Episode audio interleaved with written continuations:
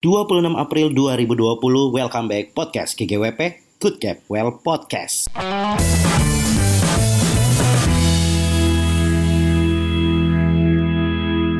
Masih bareng dengan Pak Wijaya atau GM Miracle atau e-sport manager Garena Indonesia dan kali ini gue bakal nyambungin obrolan gue di minggu lalu.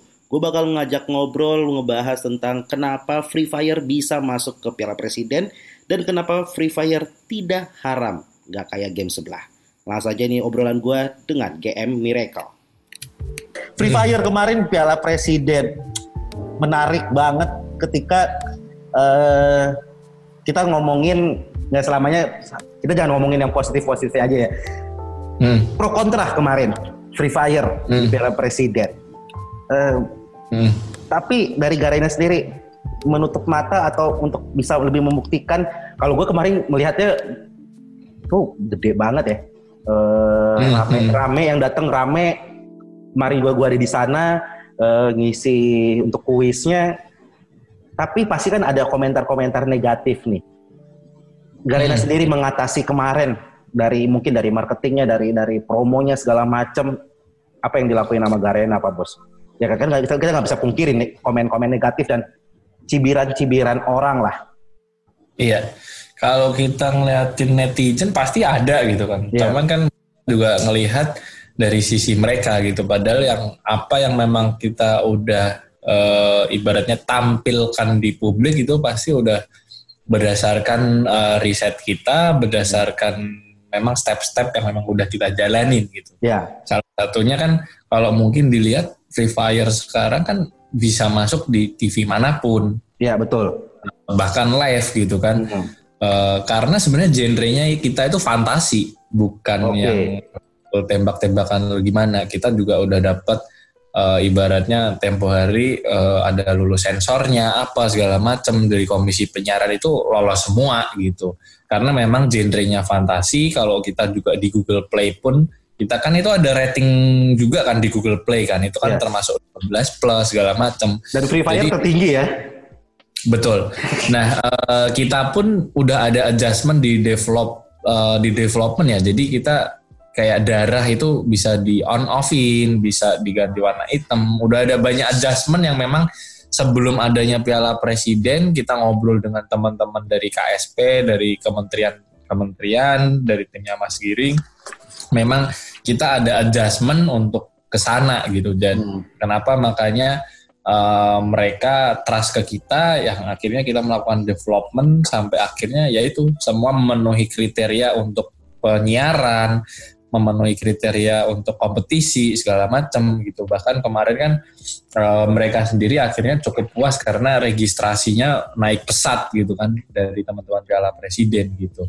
Nah kalau netizen ini kan pasti mereka nggak ngerti ya ini apa namanya games tembak-tembakan kok bisa ada di TV gitu-gitu kan games yeah, tembak-tembakan yeah. kok jadi title di Piala Presiden hmm. nah mereka karena ya um, kalau dilihat ya wajar karena mereka cuma hmm. melihat dari sisi mereka padahal okay. kalau dari sisi profesional mau teknis segala macam ya itu memang udah memenuhi syarat semua gitu kan yang memang dari sisi TV secara media masuk dari government adjustment apa ini itu kita uh, lakukan nilai-nilai yang tadi masukin angkatan laut udara darat kita masukin jadi uh, banyaklah faktor-faktor positif yang memang kita udah adjust uh, sesuai dengan uh, untuk kemajuan Indonesia juga gitu. Berarti sampai uh, sosialisasinya sampai sejauh itu ya? Sampai ke pertelevisian tadi apa eh, angkatan udara angkatan laut segala macam segitunya betul karena kan kita masukin mereka ya mm-hmm. ke, uh, ke in-game artinya dari timnya Mas Giring perlu koordinasi perlu izin terus uh, apa namanya mereka mau siarin juga di TV artinya perlu requirement TV juga jadi banyak yang memang requirement memang kita penuhi dari hmm. sisi pertelevisian, dari sisi konten, dari sisi uh, kalau boleh dibilang teknis ya, teknis yeah. custom setting di in game-nya kita lakuin adjustment. Jadi banyak sih memang adjustment-adjustment yang memang kita lakuin. Sehingga bisa dinikmati pada saat Piala Presiden kemarin dan uh, lolos juga sensor di TV ya. Betul, betul. Tapi jadi, kenapa bisa membuat jadi Free Fire jadi fantasi? Maksudnya ya kita kita tahu ada game lain yang yang mirip lah. Uh, dan tapi kenapa Free Fire bisa diterima bisa jatuhnya apa karena mungkin uh, kategorinya jadi fantasi tapi kan yang di dalamnya tetap tembak-tembakan juga mungkin ya kalau kritisnya gue bicara sebagai uh, netizen yang penuh hujatan lah. Hmm, hmm. Nah jadi sebenarnya dari awal kita launching dari hmm. tahun 2018 awal di Januari Februari sebenarnya kita memang lolosnya itu uh, kategori fantasi di uh, sertifikat kita di mana pun ya di Google Play segala macam itu memang fantasi karena kan kita memang di games kita kalau Mas Gianto kan pasti hmm? ada glue-nya, ada petnya, skin-skin. Betul, gitu. betul, betul. Kalau kita ibaratnya uh, merefleksikan kita dengan games lain di yeah. era kita misalnya, uh -huh. di kita main zaman dari Sega, PlayStation segala macam banyak game fantasi serupa nih yang misalnya tembak-tembakan juga. Tapi genrenya apa? Ya fantasi. Oke oke oke. Jadi awal memang dari awal kita masuk pun di saat kita launching memang udah fantasi. Tapi emang orang-orang nggak banyak yang tahu aja cuman memang dari kalau kita mau detail di Google Play udah kelihatan oh genre fantasi umur 12 plus itu ada semua Cuman kan biasa namanya netizen pasti tidak membaca. oh. Jadi mereka tiba-tiba komen aja padahal sebenarnya ada semua hitam di atas putihnya di Google Play ada, di iOS ada. Jadi mereka kadang memang nggak mau baca aja. Semua sebenarnya ada gitu. Berarti bukan karena wah karena udah backingannya udah Kemenpora pantesan eh, ada di TV, bisa masuk ke Piala Presiden, bukan karena itu juga dong berarti ya? Enggak, enggak ada hubungannya maksudnya. kalau barang yang mau diangkat pun ibaratnya nggak bagus, nggak memenuhi syarat ya nggak bisa dong. Sekarang ya, kalau kita berbicara dengan pertelevisian segala macam kan mereka ya udah tahu sendiri lah ya. Hmm. Maksudnya apa ini itu pun uh, lewat uh, sensor atau enggak yang kalau boleh dibilang di Indonesia juga cukup ketat gitu kan. Nah jadi ya bener-bener ini uh, kalau mau ibaratnya orang netizen bilang karena oh karena Garena beberapa kali uh, sama government atau gimana nggak ada sih maksudnya ya bener-bener ini uh, apa namanya dari produknya sendiri yang memang kita adjust gitu. Oke, jadi emang bukan karena eh, seperti omongan netizen karena emang ada juga proses yang dilalui nama Garena untuk membuat eh, Free Fire ini bisa masuk ke Piala Presiden dan bisa menjadi tontonan eh, publik ya. Betul, betul. Tapi kalau misalnya kita lihat kan ya netizen ini uh, lebih banyak kaum milenial. Sebenarnya hmm. kalau dari Garena atau uh, lu sendiri deh sebagai player juga main juga hmm. game yang kayak gimana sih sebenarnya yang dicari game ini banyak banget lah sekarang udah uh, jenisnya udah banyak sebenarnya lebih tipe yang hmm. seperti apa nih yang dicari para milenial yang diminati oleh milenial gitu karena nggak bisa ketebak sebenarnya arahnya benar kalau game sih tergantung orangnya ya uh, apa namanya pun sebenarnya punya tes masing-masing lah nah walaupun walaupun kayak gue kan sendiri gue main semua games nih termasuk including kayak Ayo Dance dari zaman dulu gua main, RO gua main, Gunbone gua main. Tapi pasti gua ada tes yang oh gua lebih cenderung ke sini. Bahkan ada satu dua uh, orang yang memang dia nggak bisa main tembak-tembakan FPS pusing ada. Ada dia ya. Cuman main MOBA ada. Ini tergantung tesnya masing-masing ya karena cukup hmm. unik. Ada yang memang bisa main FPS, hmm. ada yang nggak bisa main FPS pusing, ada yang bisa ya main MOBA ada yang bisa mainnya casual games. Jadi hmm. macam-macam tergantung orang masing-masing ya preferensinya seperti apa. Kalau kayak gue sendiri kan gue bisa nih main semua hmm. gitu. Masuk yang including gue dulu Gunbone main, ayo main. Main semua gitu kan. Walaupun dari gue sendiri uh, secara tes, secara apa namanya uh, keinginan sebenarnya lebih besar di apa namanya FPS sama MOBA misalnya. Cuman okay. kalau gue disuruh main Ayo Dance atau disuruh main Gunbon ya bisa aja gitu. Cuman ada yang orang juga sama sekali nggak bisa gitu kan main FPS pusing gimana? Hmm. itu ada juga dari Tergantung. dari macam-macamnya. Berarti kan sebenarnya nggak bisa kita generalisir ya, ya, generalisir jadi satu tipe. Nah balik lagi ke Garena berarti.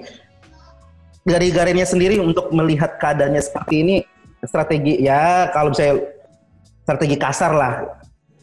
Apa apa aja yang bisa dilakukan oleh Garena atau mungkin uh, ya lu sendiri lah pribadi kalau dari gua sendiri sih uh, tergantung sih ya games ibaratnya kita bawa itu uh, seperti apa. Makanya kenapa sekarang kalau dilihat kan kita game casual pun juga ada gitu kan. Ah. balapan ada Betul. ada tembak-tembakan ada moba ada. Jadi ya tergantung game yang kita bawa itu sih. Makanya uh, cukup lengkap ya gamenya Garena ya karena memang marketnya sendiri-sendiri Oke, okay, tapi kalau misalnya lu kita kan pernah berada di zaman kalau kita ngomongin tipe game, kita pernah berada di zaman game PC. Terus sekarang Bener. semua jadi handphone semuanya. Bener. Lu sendiri sempat kayak uh, ngerasa eh, enggak kalau game itu di PC lah. kalau gue sendiri sih kita kan orang tua lah, misalnya umur kita kita udah pernah lewatin PC, pernah melewatin uh, game bot juga segala macam, terus ketemu yang game handphone tuh yang dari layar gede, layar, layar kecil, mungkin beda dengan anak zaman sekarang yang langsung nyemplungnya langsung handphone gitu mungkin. Benar. Itu memang mungkin iya ya, karena uh, kalau boleh dibilang karena kontrolnya uh, pada saat awal-awal dulu itu mungkin belum kayak sekarang. Ya, Ibaratnya ya. Uh, susah lah ini itu gameplaynya UI-nya juga masih belum kayak sekarang. Tapi setelah sekarang banyak improvement ini itu dari dari segi gameplay kontrol ini itu mungkin masih oke okay ya. Karena sama lah kayak zaman dulu kan kita main uh, apa zaman main bahkan dari dasar kita main apa Tamagotchi kayak gitu kan. Yeah. terus main Nintendo ini itu. Ya tinggal berubah ke handphone aja gitu. Yang penting asal masih UI-nya gameplaynya terus kontrolnya masih masuk sih masih oke okay lah gitu. Awalnya sama karena mungkin itu tadi kontrol sama gameplaynya kok beda susah gitu kan. Ini ini mah bukan game gitu kan. Tapi ternyata setelah dengan gameplay UI bagus ya akhirnya ya oke okay, ternyata game di new era ya seperti ini gitu. Dan mau nggak mau kita harus, harus bisa menerima perubahan itu ya. Benar pasti kan ada perubahan. Kayak zaman dulu kita main Sega iya, PlayStation betul. keluar gitu iya kan. betul. Di PlayStation pun keluar zaman Tamagotchi Tamagotchian gitu kan. Keluar semua Tetris habis PlayStation keluarnya PC gaming PC ya gaming kan? bener PC gamingnya dulu masih ini tapi masih zaman offline zaman main The Sims gitu-gitu betul, ya kan betul gue ingat banget tuh gue uh, The Sims tuh kalau dulu mau ngopi aja uh, gue sempat ngalamin ngopi pakai disket Anjir. Bener-bener. Anjir. Itu yang gak dirasain anak-anak zaman sekarang loh. Iya mana ada. Sekarang tinggal buka App Store apa Google uh, Google uh, Google Play kan segala macem download udah beres tinggal main. Bener. Terus kalau dulu main PS pakai CD ternyata CD-nya udah berat-berat rusak udah pusing kepala ya kan. Di apa dilap-lap pakai kain lah ditiup-tiup. lu ngalamin juga kan pasti ya? Lu ngalamin juga ya? Bener. Apa kalau ngadet game yang namanya uh, apa pas ngadet-ngadet manual juga. Manual betul. Betul betul. Belum ada tuh kalau sekarang PS sudah bisa yang apa uh, hard disknya dimasukin kan ya? Benar, benar, benar. Kalau dulu ya gitu kalau Dulu ngadet ngadet, ngadet PS-nya yang covernya ditepuk-tepuk. kebuka. iya. PS-nya dibalik lah. Terus Padahal gak ngaruh. namanya, dipencet sendiri. Iya. Aduh, dan anak zaman sekarang tuh nggak eh, apa eh, nggak nggak mengenal eh, memory card. Nggak ada. Nggak ada. Gue inget kalau dulu tuh mau main main, main, main winning eleven atau eh, WWE itu nyimpen nyimpennya tuh beli dulu memory cardnya segala macem. Bener. Ntar udah full apa yang mau di delete gitu-gitu ya Iya. kan. Sampai gue main Harvest Moon tuh harus beli bukunya dulu. Baca buku. Wah itu apalagi simpen resep masak-masakannya. ya Iya kan? betul. Belum lagi kalau mau nge dulu nge-cheat tuh pakai game shot. Ya game shark. Dan dijual, dan di- di- dijual gitu loh. Cheatnya dijual. Bener. Iya. Terus main main ini nggak apa, apa? yang lo tahu nggak? Ini gue kasih pertanyaan nih. aduh. Game eh, tapi lu isinya buka tutup gonta-ganti CD Anjir. buat nge-summon sesuatu lu gonta ganti CD. Main nggak game itu? Gua main game Semua yang CD taruh di samping PS, lu gonta ganti Iya, iya, tahu gua, tahu gua. summon. lu tahu gua tahu tuh, gua tahu gua tuh. Jadi kalau mau ngelanjutin lu harus ganti lagi segala macam kan?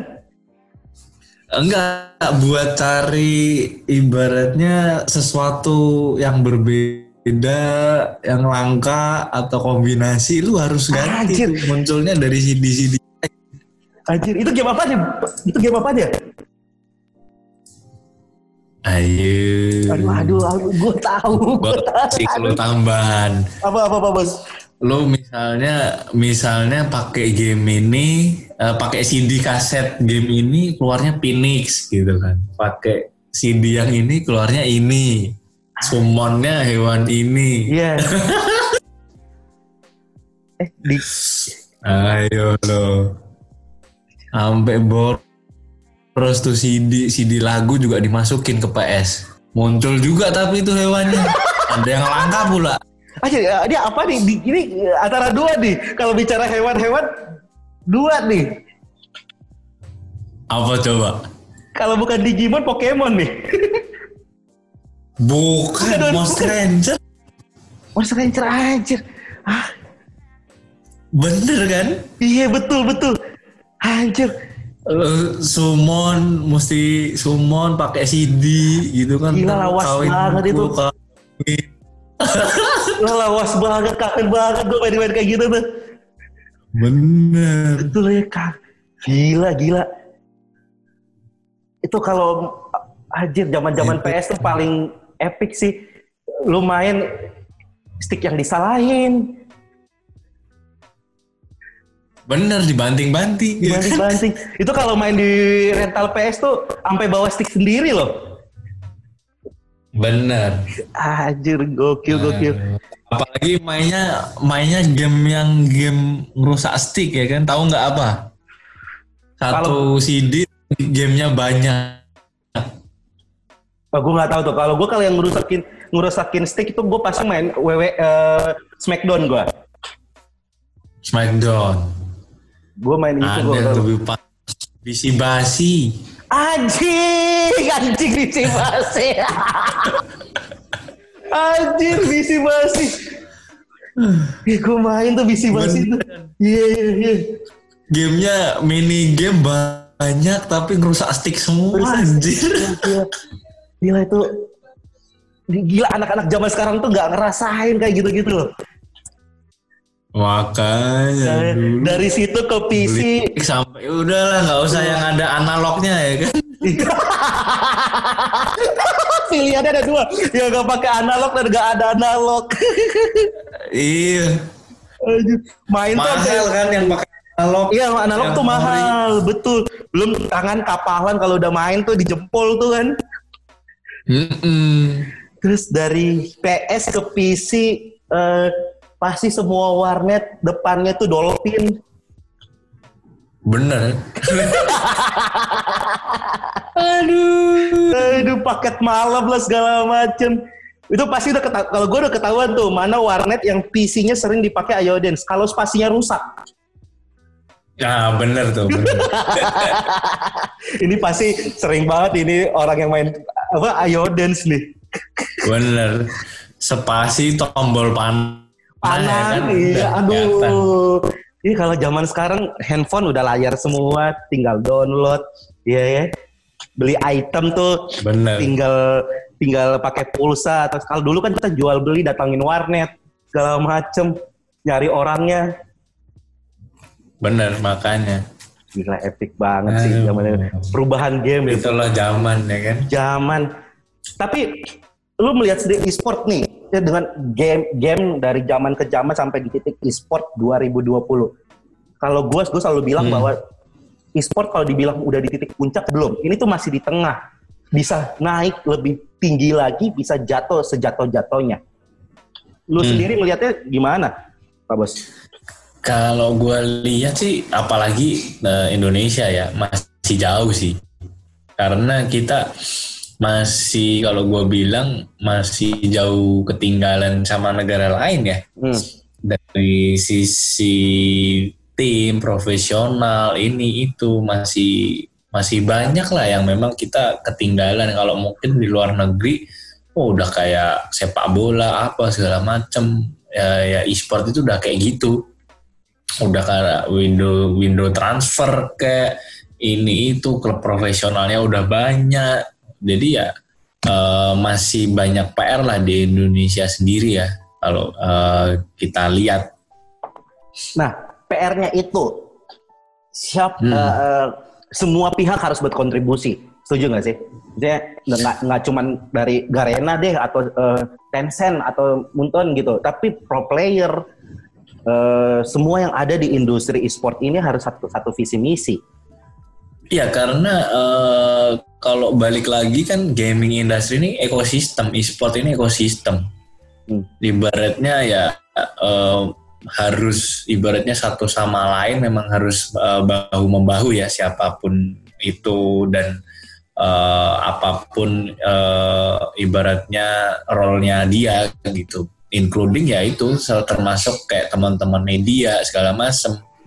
Itu kan kenapa let's say di luar negeri udah biasa banget bukan hal yang awam nggak hal yang negatif karena ya dibantu juga dari media gitu jadi bukan tanggung jawab satu pihak dong tapi keseluruhannya semua betul Oke. Tapi bisa nggak sih e-sport ini? gue sangat sangat bangga melihat ketika ya kayak Piala Presiden aja orang beli tiket dulu, sedangkan Hmm. eh, kita dari zaman PB, AOV eh, itu free, tinggal daftar, Hmm. registrasi, datang. Terus sekarang udah mulai diberlakukan tiketing. Eh, betul bisa nggak sih itu menjadi ya kita tahu lah penikmat e-sport anak kecil ya pasti belum kerja beda dengan industri-industri lainnya musik ya orang kerja udah punya duit beli Java Jazz aman gitu Eh, DWP aman tapi kan ini e-sport penikmatnya anak kecil Hmm. Eh, efektif nggak eh, diberlakukannya tiketing dan lu sendiri bisa berada di peaknya di angka berapa nih tiket e-sport nantinya Kalau dari tahun lalu sendiri kan kita udah edukasi ya di uh, waktu kick off yang di FFIM yang di tenis indoor juga itu kan Hmm. kita udah tiketing juga. Bahkan yang kemarin kita kan yang tertutup karena covid kita udah sold out tiketnya, kita refund semua juga. Itu Itu, berapa, kan kita Pak Bos, buka angka tiketnya? Dua puluh lima ribu. Oke ya. oke. Tapi memang kita masih tahap edukasi lah maksudnya. Eh, karena awalnya gratis, transisi ke sini. Tapi kalau di luar negeri sendiri kayak kita di terakhir gua di Brazil itu Free Fire Brazil mereka itu eh, satu kali masuk udah 300 ribu lah. Udah kayak nonton konser nonton bola gitu-gitu. Dan penuh. tiga ribu dan itu penuh? Penuh penuh. Sold out wow. Bisa nggak Indonesia di titik itu? Indonesia em, mungkin kalau gua lihat dari kita realistis juga ya dari sisi Ah. market segala macam mungkin kalau 300 ribu agak berat ya. Cuman mungkin kalau 100 ribu itu masih oke asalkan eh, mereka bener-bener datang bisa worth it bagi mereka lah nontonin mereka bisa puas mereka happy segala macam itu kalau mungkin 100 ribu pun juga nantinya bisa masuk gitu kalau yang sekarang misalnya starting 25 ribu 25 ribu ya Oke oke. Berarti nggak artinya masih kemungkinan bisa ya. empat kali lipat lah Oke. Mm-mm. Nggak dan nggak menutup kemungkinan bahwa Indonesia tuh bisa berada di titik itu orang rela bayar seratus ribu emang worth it untuk datang ke acara e-sport nonton gitu loh. betul betul Berarti tadi, oke, berarti semua pihak harus berkontribusi dari dari dari penonton harus siap dengan perubahan-perubahan dari gratis jadi ada harganya, terus mungkin dari eh, betul publisher-publisher juga ya menyediakan eh, game-game yang eh, kompetitif ya mungkin ya. Terus Hmm, dari IO IO juga sangat berperan penting di sini. Sekarang udah mulai maju. Banyak banget nggak kayak 2015 ya, banyak banget IO yang khusus e-sport yang muncul ya. Betul zaman dulu mah kita mah pusing ya kan Pusing. mau cari itu itu aja pusing gitu kan Eh, nggak semua bisa Iya. mesti ngajarin nol ya Mas Gian kan udah tahu dari 2015 gimana ya Betul, kan, dari betul. awal yang benar-benar pusing lah Oke, iya betul betul. Nah kalau tapi kan ada yang namanya eh, publisher-publisher ini atau eh, developer-developer ini harus juga ya mungkin secara kompetitif oke, tapi saling bahu membahu untuk membesarkan e-sport ini. Keadaannya sekarang, ini kita gibah deh. Mhm. Garena game-game Garena dengan game kompetitor lain seperti apa Hmm. atau eh hanya di masyarakat aja hanya berkompetisi gitu untuk memperebutkan hati player yang mana ke mana tapi di balik itu sebenarnya saling membahu membahu kita kan pengen tahu nih sebenarnya itu yang membuat gue sedih banget ketika Free Fire masuk ke Piala Presiden terus saling ngehujat antara satu game dengan game lain nah sebenarnya Mhm. di balik itu antar publisher, antar Garena dan yang lain seperti apa? Ya namanya balik lagi ke netizen ya. Kalau Hmm. mereka netizen lihat kan, wah ini musuhan atau apa. Padahal di belakang kan ya kita ngopi-ngopi, hahaha gitu kan. mereka kan nggak nggak tahu aja gitu kan. Mereka nggak Di belakang tahu itu kita kan- ngobrol bareng ya. Iya. Kita ngopi, ngobrol, macam-macam lah kita hahaha di, di belakang juga. eh, ya ibaratnya kita profesional, tapi kita juga as a friend, as a family dan majority eh, apa namanya masing-masing punya program yang benar-benar unik ya eh, ibaratnya untuk kembangin e-sport gitu. Jadi ya kalau dilihat dari netizen ya pasti begitu karena mereka nggak tahu gitu kan. Cuman kalau di belakang kita mah ini aja apa namanya ketemu ngopi ngobrol ini itu ya biasa lah gitu kayak yang di apa kemarin kan gue eh, baru tahu tuh fitur lain yang open chat itu kan makanya iya, iya. invite-invite itu kan campur semua Iya nyampur semua dalam itu. kalau iya iya, ada dari Mau caster, player, di mana pun siapa pun Iya. iya ada MC-nya juga. Oh, gokil sih itu gokil. teman-teman gue teman-teman gue dari publisher dari developer yang lain pun di situ semua gue masukin semua mereka join juga orang kita emang di belakang biasa biasa ngobrol ngopi gitu kan ya biasa aja jadi Iya, iya. Netizen hanya melihat depannya aja ya. Bener kalau dia join ke warung kopi baru ngerti gitu Tapi oke ini ini ini ada beberapa pertanyaan terakhir di kepala gue nih eh, Pak Bos. Yang pertama eh, adalah e-sport tuh udah ada kayak PSSI-nya belum sih? e-sport udah kan kalau di Indonesia kan Espa. so far ini ada eh, ya ISPA kan yang kemarin terakhir itu Berarti itu e-sport tuh istilahnya organisasinya. Mm-mm. Ibaratnya PSSI-nya lah ya. Oke. Kalau di secara dunianya udah ada. Dunianya itu kalau nggak salah itu itu ya apa? eh, ada beberapa juga sih. Eh, cuman kayaknya udah ada masing-masing itu dua tiga dua tiga gitu jadi agak bingung juga gitu kalau Oke. dilihat ya Masih ada beberapa di dunia kepala ya. itu ah ah, sama gitu Tapi Kalau di Indonesia yes Pak. Ada yang lain nggak sih? So far sih kalau yang kemarin gua kan ikut SEA Games segala macam Asian Games yang ibaratnya kemarin sama Kemenpora sih itu yang menurut pengalaman gua ya. Cuman kalau dilihat kan memang di berita-berita juga udah banyak organisasi. Cuman Ya, ya. nggak tahu sih kita sih eh, nungguin aja dari pemerintah yang mana gitu. Kita sih siapa pun itu kita dukung. Karena eh, ibaratnya nanti misalnya yang handle ini siapa, ini siapa, ya udah kita tinggal dukung aja sih. Cuman kayak yang kemarin-kemarin kan kita waktu Asian Games sama SEA Games masih berhubungannya sama IESPA ya, Ya. gitu. Oke oke. Tapi gue pribadi bangga banget ketika Alfi ya kemarin ya dapat medali juga di Asia apa SEA Games ya 2019. Misalnya Betul, betul. itu gue nonton dan eh, itu menjadi turning point sih bagi gue orang bisa melihat bahwa e-sport bukan hanya sekedar game yang ada dampaknya negatif tapi itu bisa mengharumkan nama bangsa Indonesia dan gue selalu berinding ketika harus nyanyiin lagu Indonesia Raya di acara-acara e-sport. Benar, benar. So far ya itulah maksudnya kebanggaan tersendiri juga ya kan. Iya ya. Eh, ibar baik di dalam negeri maupun luar negeri itu beda lah rasanya pasti. Yuk. Gue MC pertama kali aja yang di PB melihat tenis indoor penuh. Terus waktu Indonesia masuk ke PBIC, waktu itu kan atau orang tuh teriak Indonesia kayak nonton bola, nonton bulu tangkis loh. Benar. Yang pas 2015 gitu kan paling paling gila sih gue akuin waktu kita di Britama, Britama, ya. PBIC yang RRQ ya. apa, yang waktu berjuara itu itu gue nggak expect para penonton itu sampai kayak penonton bola kalau gue lihat mereka naik Gua merinding. kursi bendera mereka Bawa bendera. gila sih. teriak. iya itu kita nggak expect sampai seperti itu sih Gitu gila sih. Dan itu menjadi titik balik lah, balik bahwa eh, e-sport ini bisa berbicara lebih lah.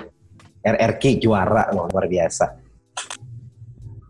bener waktu itu juara dunia di apa Ngalahin di tuan Brasil. rumah ya kan lawan Rusia Eh Rusia ya? wah Rusia Rusia di Rusia. final Ah, ah. Nah, itu terus Luar penontonnya biasa. ya, gitu gila. Merinding gua kali itu gua merinding banget. Ingat itu tuh gua selalu merinding. Makanya. Ngeri Wow. deh. Eh, tapi kalau kita bicara RRQ nih harusnya sih nggak ada di pertanyaan gua nih tapi tiba-tiba gua kepikiran. RRQ Endeavor pindah ke CODM di video pamitannya ada lu. Hmm. konspirasi apa yang terjadi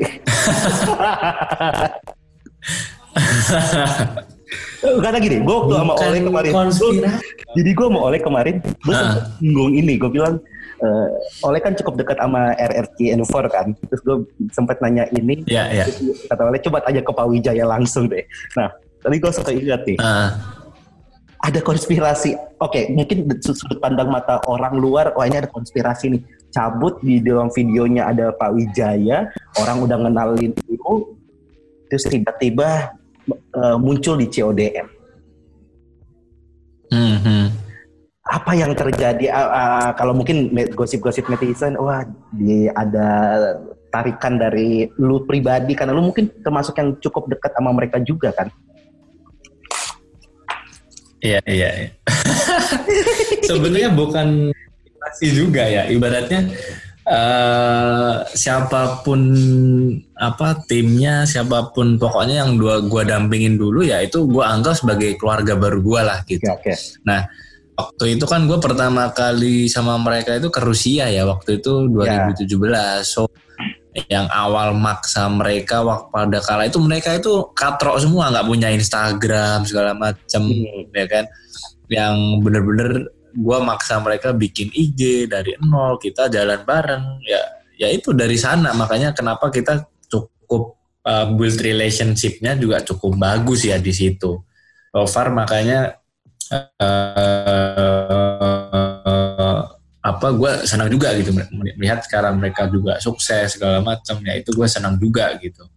Nah so far waktu itu sih awal mulanya karena ngobrol-ngobrol aja sih dan karena uh, sama-sama FPS gitu kan mereka hmm. juga waktu itu curcol hmm. uh, gibah curcol ya betul ya, betul gue sebut isinya apa ya kan intinya ya. dengan kondisi yang pada saat itu kan kita udah nggak pegang game tersebut gitu kan ya betul nah ya udah maksudnya uh, gue cuma ibaratnya ya terserah kalian gitu kan uh, yuk gitu kan. Ayo ayo aja gitu. Kalau di kita sih open gitu kan mau sama siapa pun seperti apa pun kita kan cukup fleksibel kita cukup ya. open ya. Gitu. Hmm. jadi bukan karena kalau so di mata netizen kan eh, lu lu ya mungkin ada iming-iming apa segala macam konspirasi-konspirasi akhirnya mereka keluar dari game sana masuk ke CODM Berarti buk, bukan. Gak ada sih sofa. ada ya. Dicek dikasih iming-iming apa nggak ada sih. kan bakal balik lagi ke mereka. Iya sih. Sama aja sih maksudnya waktu gua pegang game sebelah juga kembali lagi ke mereka nya kalau memang mereka uh, jago segala macam ya udah jago aja gitu maksudnya apa yang mereka capai ya hasil dari mereka yang sendiri. mereka ya benar bukan karena apa namanya oh ada main nih ada ini nih ada itu tuh bukan. Cuman kalau memang udah bawa nama negara ya pasti Garena bakal bantu gitu. Dan kelihatan juga maksudnya uh, eh, RFK Innovar bukan semata-mata langsung pindah ke CODM menjadi yang nomor satu juga. Dan karena persaingannya cukup ketat juga karena kalau gue perhatiin dan gue tontonin uh, kompetisi-kompetisinya ya mungkin juga ada masa transisi dan segala macam. Jadi nggak semata-mata wah karena dekat sama Pak Wijaya yuk pindah ke sini langsung jadi peringkat pertama nggak juga dong enggak nggak ada hubungannya sama sekali Oke oke oke oke Wan. Terakhir gue mau nanya sebenarnya gue simpen dari awal. Tadi kita sebenarnya udah nah. lagi gue 2015 gue ngemsin PB. Ada satu ah. pertanyaan pribadi gue ini pribadi aja. Uh, ah, gue kaget ketika uh, gue ditawarin untuk MC Point Blank.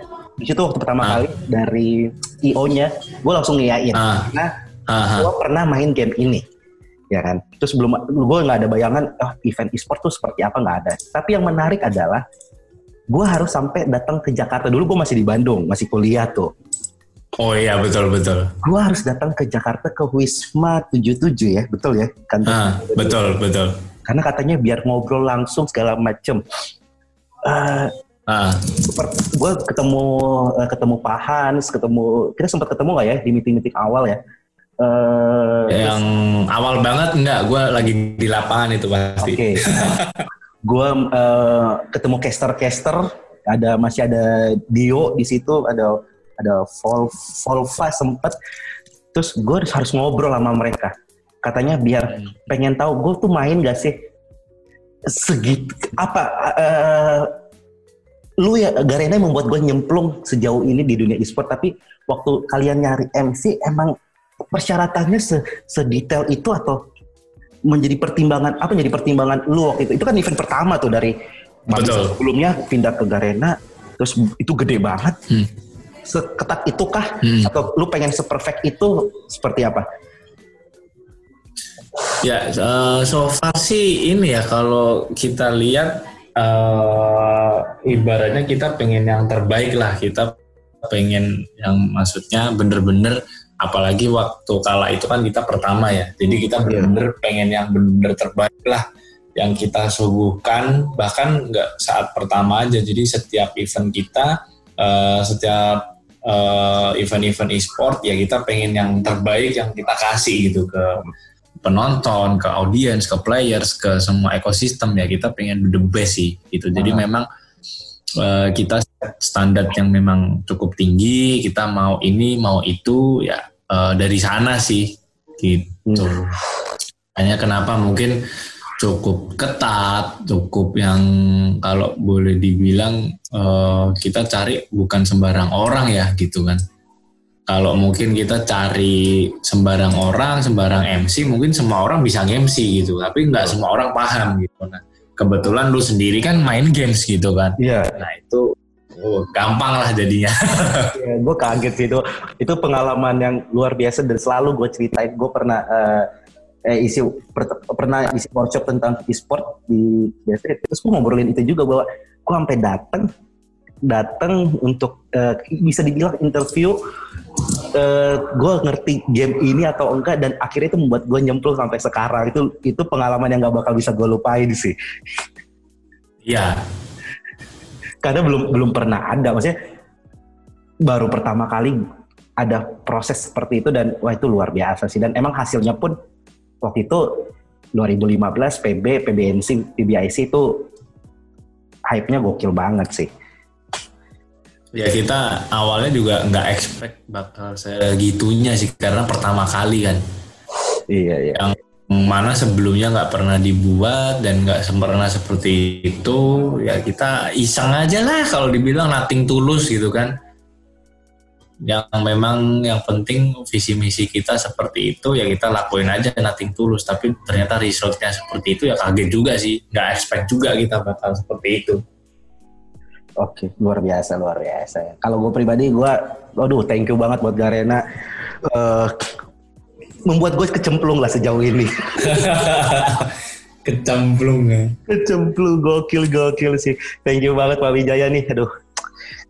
Dari DM tiba-tiba mau wah gue kaget banget. Santai. Tapi ke depannya bakal ada apa lagi dari Garena nih ke depan um, game tadi kan game kasih clue dong gamenya game apa nih Wah kalau game terbanyak lah sebenarnya kita di tahun ini bakal rilis beberapa juga cuman ya ini gara-gara okay. kondisi yang diinginkan datang ini PC atau gitu. handphone Mobile sih mobile. Mobile. Oke okay, oke okay, oke. Okay. Terus apa event semua banyak, cuman ya ini kita nggak berani janjiin lah karena kondisi ini buruan cepet pergi deh nih kondisi-kondisi ini. Iya yeah, sayang ya udah pasang rijing di Taman Anggrek bongkar lagi ya. Nah itu. mau nggak mau ya kan demi kebaikan bersama lah. Aduh, aduh, aduh. Aduh, thank you banget Pak Wijaya. Sama-sama. Salam buat teman-teman di Garena. Kita sering banget Siap. ya dari pribadi gua atau ke MLI juga ya. Iya. Itu sering banget, gue sering banget ke kantor Garena. Kabar-kabar aja lah kita. Ya, betul, betul. Salam buat semuanya. Salam juga buat Pak Hans. Siap, siap. Siap, salam buat semuanya. Sukses Pak. Pak Sukses ya. Sukses juga. selalu, sehat selalu ya. Salam buat Pak. tim juga. Siap, thank you banget ya, Pak. Yo, thank you. Yo.